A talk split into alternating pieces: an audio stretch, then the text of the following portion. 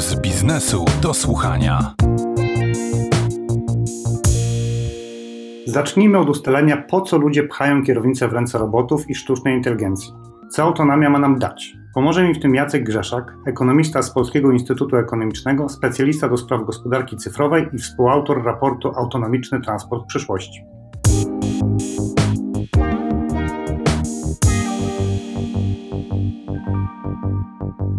Z autonomicznym transportem jest związanych kilka obietnic. Myślę, że taki podstawowy i najbardziej przemawiający do ludzkiej wyobraźni, do ludzkich doświadczeń jest ten związany z bezpieczeństwem. Bezpieczeństwo w ruchu drogowym jest takim jednym z no, większych wyzwań społecznych, zamożnych społeczeństw świata w XXI wieku. Wypadki drogowe stają się jedną z głównych przyczyn przedwczesnych zgonów. Mówimy oczywiście o tym w trakcie pandemii, no ale pomijając ten kontekst pandemiczny, to te wypadki drogowe i zdarzenia związane z ruchem drogowym są jednym z większych zagrożeń dla ludzi w wieku produkcyjnym w społeczeństwach zachodnich kraju zamożnych. Także pierwsza sprawa to jest próba jakiegoś zmierzenia się z tą kwestią bezpieczeństwa, bo w bezpieczeństwie, jak wiemy z różnych badań, zdecydowana większość, około 90% wypadków jest bezpośrednio związanych z błędem ludzkim, to znaczy takie wypadki związane z awariami samochodów to jest zdecydowany margines, zdecydowana większość wypadków to są wypadki związane właśnie z błędem ludzkim, złym oszacowaniem swoich możliwości, nadmierną prędkością, brawurą itd. Tak Także to jest podstawowa taka rzecz od strony takiej społecznej z tym obietnica, natomiast z autonomią się wiążą też e, różne inne obietnice związane ogólnie z automatyzacją, to znaczy szansa zwiększenia efektywności w gospodarce, na przykład wykorzystania floty samochodów, szansa w ogóle efektywności korzystania z samochodów, no bo z tym się wiąże ten aspekt samochodów w miastach, które przez 90 kilka procent czasu stoją na parkingach,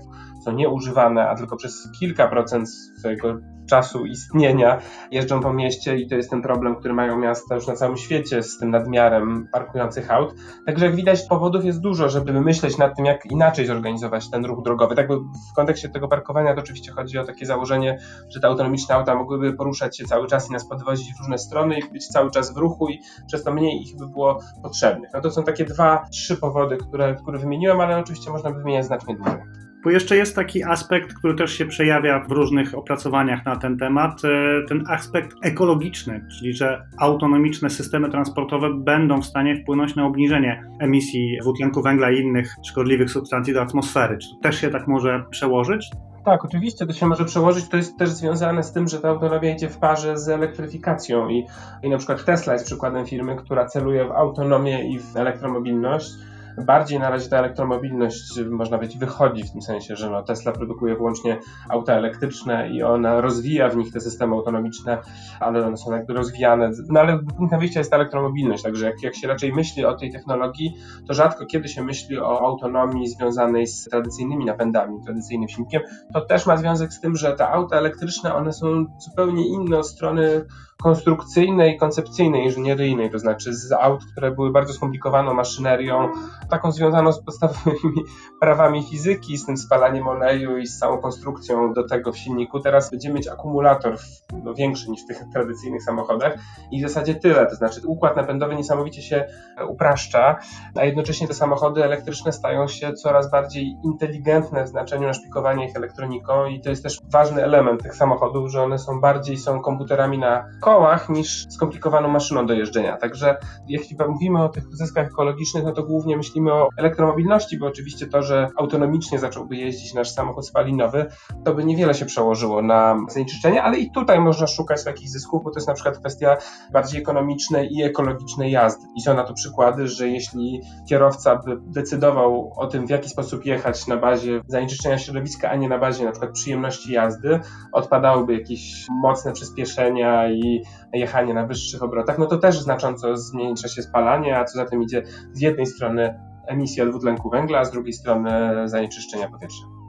Elon Musk, którego przed chwilą trochę pan wywołał do tablicy, wspominając o Tesli, przy okazji król Twittera, kilka miesięcy czy nawet ponad rok temu opublikował taki tweet, w którym twierdził, że w przyszłości, jeszcze bliżej nieokreślonej, prowadzenie samochodu przez człowieka zostanie normalnie, regularnie zakazane, jako to właśnie niebezpieczne. Czy Pana zdaniem to się może wydarzyć i jeśli nie, to kiedy te auta autonomiczne pojawią się na drogach w taki sposób powszechny? Kiedy to jest możliwe? Mówię o tym piątym stopniu autonomii. Ja zwracam uwagę w tym raporcie Autonomiczny Transport przyszłości, o czym staram się mówić, to jest to, że no, należy to zupełnie w inny sposób myśleć o autonomii, żeby rozumieć te zjawiska, które już przebiegają, bo Elon Musk głosi te wypowiedzi z jasnych powodów. No, on chce przyciągnąć uwagę inwestorów i, i on jest takim, można powiedzieć, magikiem, który ma czarować inwestorów, żeby dawali mu jeszcze więcej pieniędzy na jego nowe koncepcje, więc on musi robić takie rzeczy, które tak mocno przemawiają do wyobraźni i są spektakularne w znaczeniu tego, że to jest zupełnie inna rzeczywistość niż ta, w której my żyjemy. No, temu służy ta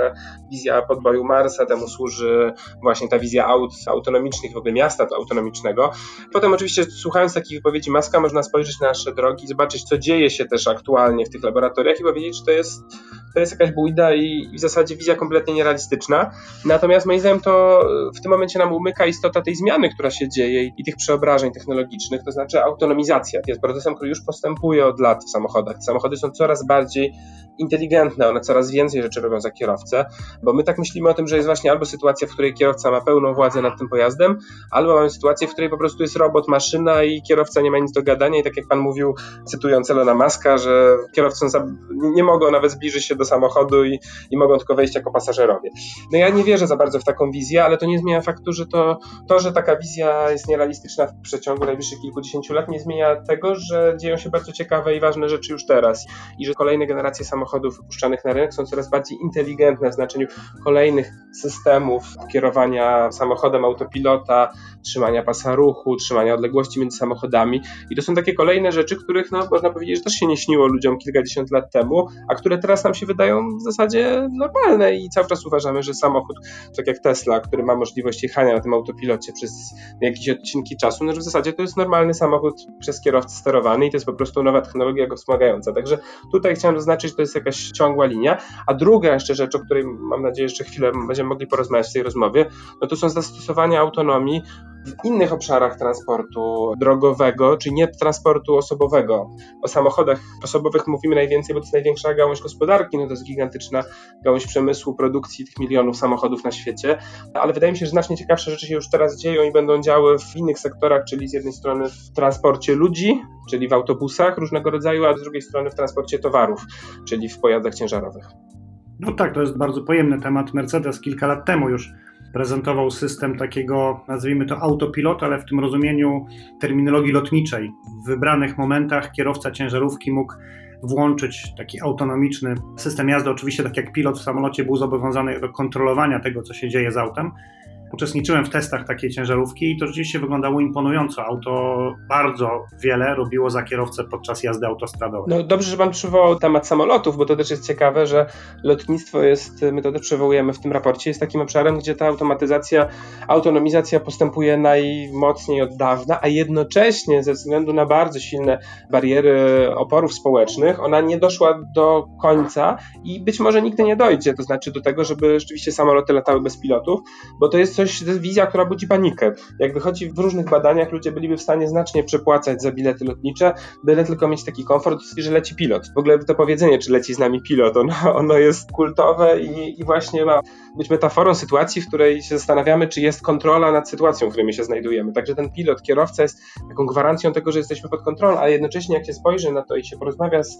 specjalistami od lotnictwa, no to oni wytłumaczą w zasadzie rola pilota jest, pilot jest ozdobnikiem w samolocie. No samoloty mają tak zaawansowane systemy autopilota, że byłyby w stanie przelecieć całą trasę w zasadzie bezpiecznie. Pilot się włącza na fragmenty trasy, no ba, no powiedziałbym nawet, że właśnie mamy problem tego, że mamy często pilotów, którzy zapominają jak się pilotuje samolot. Mieliśmy przypadek katastrofy lotniczej tego rodzaju, w którym w momencie wyłączenia się systemu autopilota piloci nie wiedzieli co zrobić z maszyną i samolot spadł.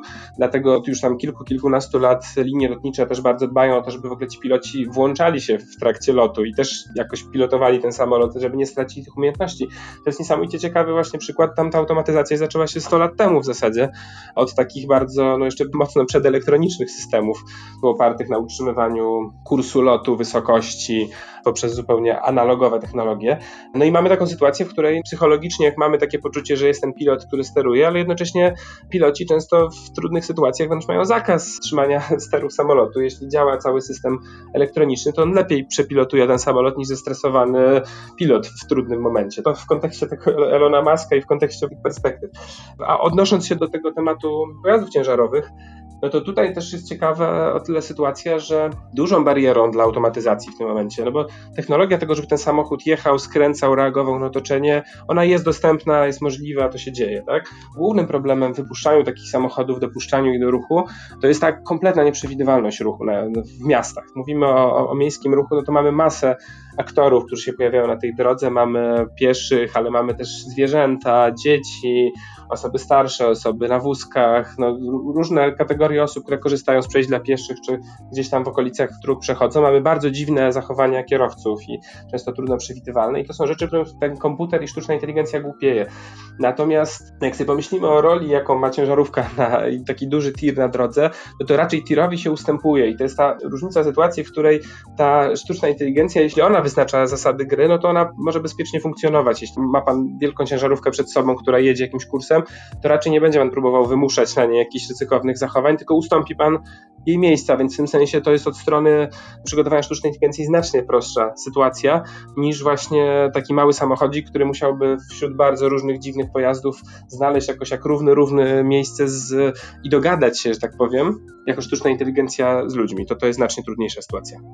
Na koniec wniosek możemy wysnuć taki, że wcale nie jest powiedziane, że kierownice z samochodów znikną, bo być może ludzie, wracając do tematu lotniczego, najzwyczajniej w świecie nie będą chcieli oddać się w ręce sztucznej inteligencji. Teraz słychać czasami pana potomka, którego trzyma pan na rękach, trochę tam kwili nam podczas rozmowy, on jak dorośnie być może wcale nie będzie chciał wsiadać. To nie jest powiedziane, że on będzie jeździł samochodem bez kierownicy. No tak, tylko oczywiście pytanie, jak pan powiedział, czy zaufamy sztucznej inteligencji. No my już ufamy tej sztucznej inteligencji. To, to nie będzie pytanie o to, czy w ogóle zaufać, to będzie pytanie o takie pełne i ostateczne zaufanie i w tym sensie tak też uważam, że nie będzie samochodów bez kierownicy, co nie zmienia faktu, że wyobrażam sobie sytuację, w której dużo osób kierując samochodem będzie włączało się rzadziej do sterowania aktywnego samochodem i częściej korzystało z tej technologii. Ale też tak jak mówię, wydaje mi się, że patrzenie, skupianie się na samochodach osobowych ono trochę przesłania to, co jest najciekawsze, a, a ciekawsze rzeczy się dzieją teraz w obszarze transportu publicznego i w obszarze transportu ciężarowego, bo tam szczególnie przy ciężarówkach mamy potencjał na ogromne oszczędności związane w ogóle z zarządzaniem, optymalizacją zarządzania całą flotą pojazdów, z tym, że teraz barierami i kosztami dla firm logistycznych to jest na przykład kwestia postojów, to znaczy jak jedzie kierowca przez całą Europę, no to musi robić te postoje dosyć długie i w sytuacji, w której by jechał samochód, który miałby postoje wyłącznie na tankowanie, spanie i nie musiałby robić sobie odpoczynków na spanie, no to są gigantyczne oszczędności dla firm logistycznych. Także tam jakby na talerzu leżą ogromne możliwości oszczędności, a jednocześnie, tak jak mówiłem, od strony psychologicznej pojazdy ciężarowe wyznaczają zasady na drogach, no to każdy kierowca przyzna.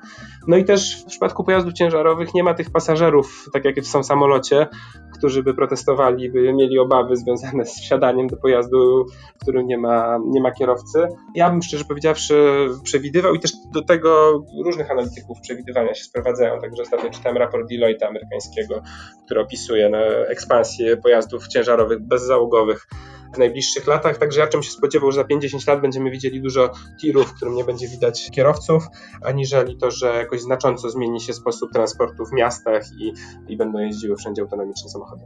Innymi słowy mówiąc, autonomia wiedzie ciężarówką. Dziękuję panu bardzo za rozmowę. Dziękuję serdecznie.